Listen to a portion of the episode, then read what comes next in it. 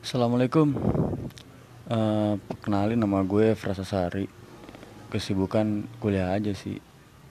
Hobi naik gunung. Sebenarnya udah beberapa gunung udah gue jelajahi. Gak usah disebut lah gunungnya apa aja.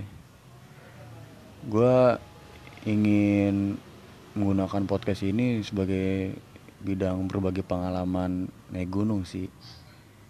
Soalnya ada juga pepatah bilang ketika kita sudah menjelajah atau kita mendapat pengalaman bagus alangkah baiknya kita membagikan itu kepada orang lain. Jadi nggak hanya kita doang yang tahu.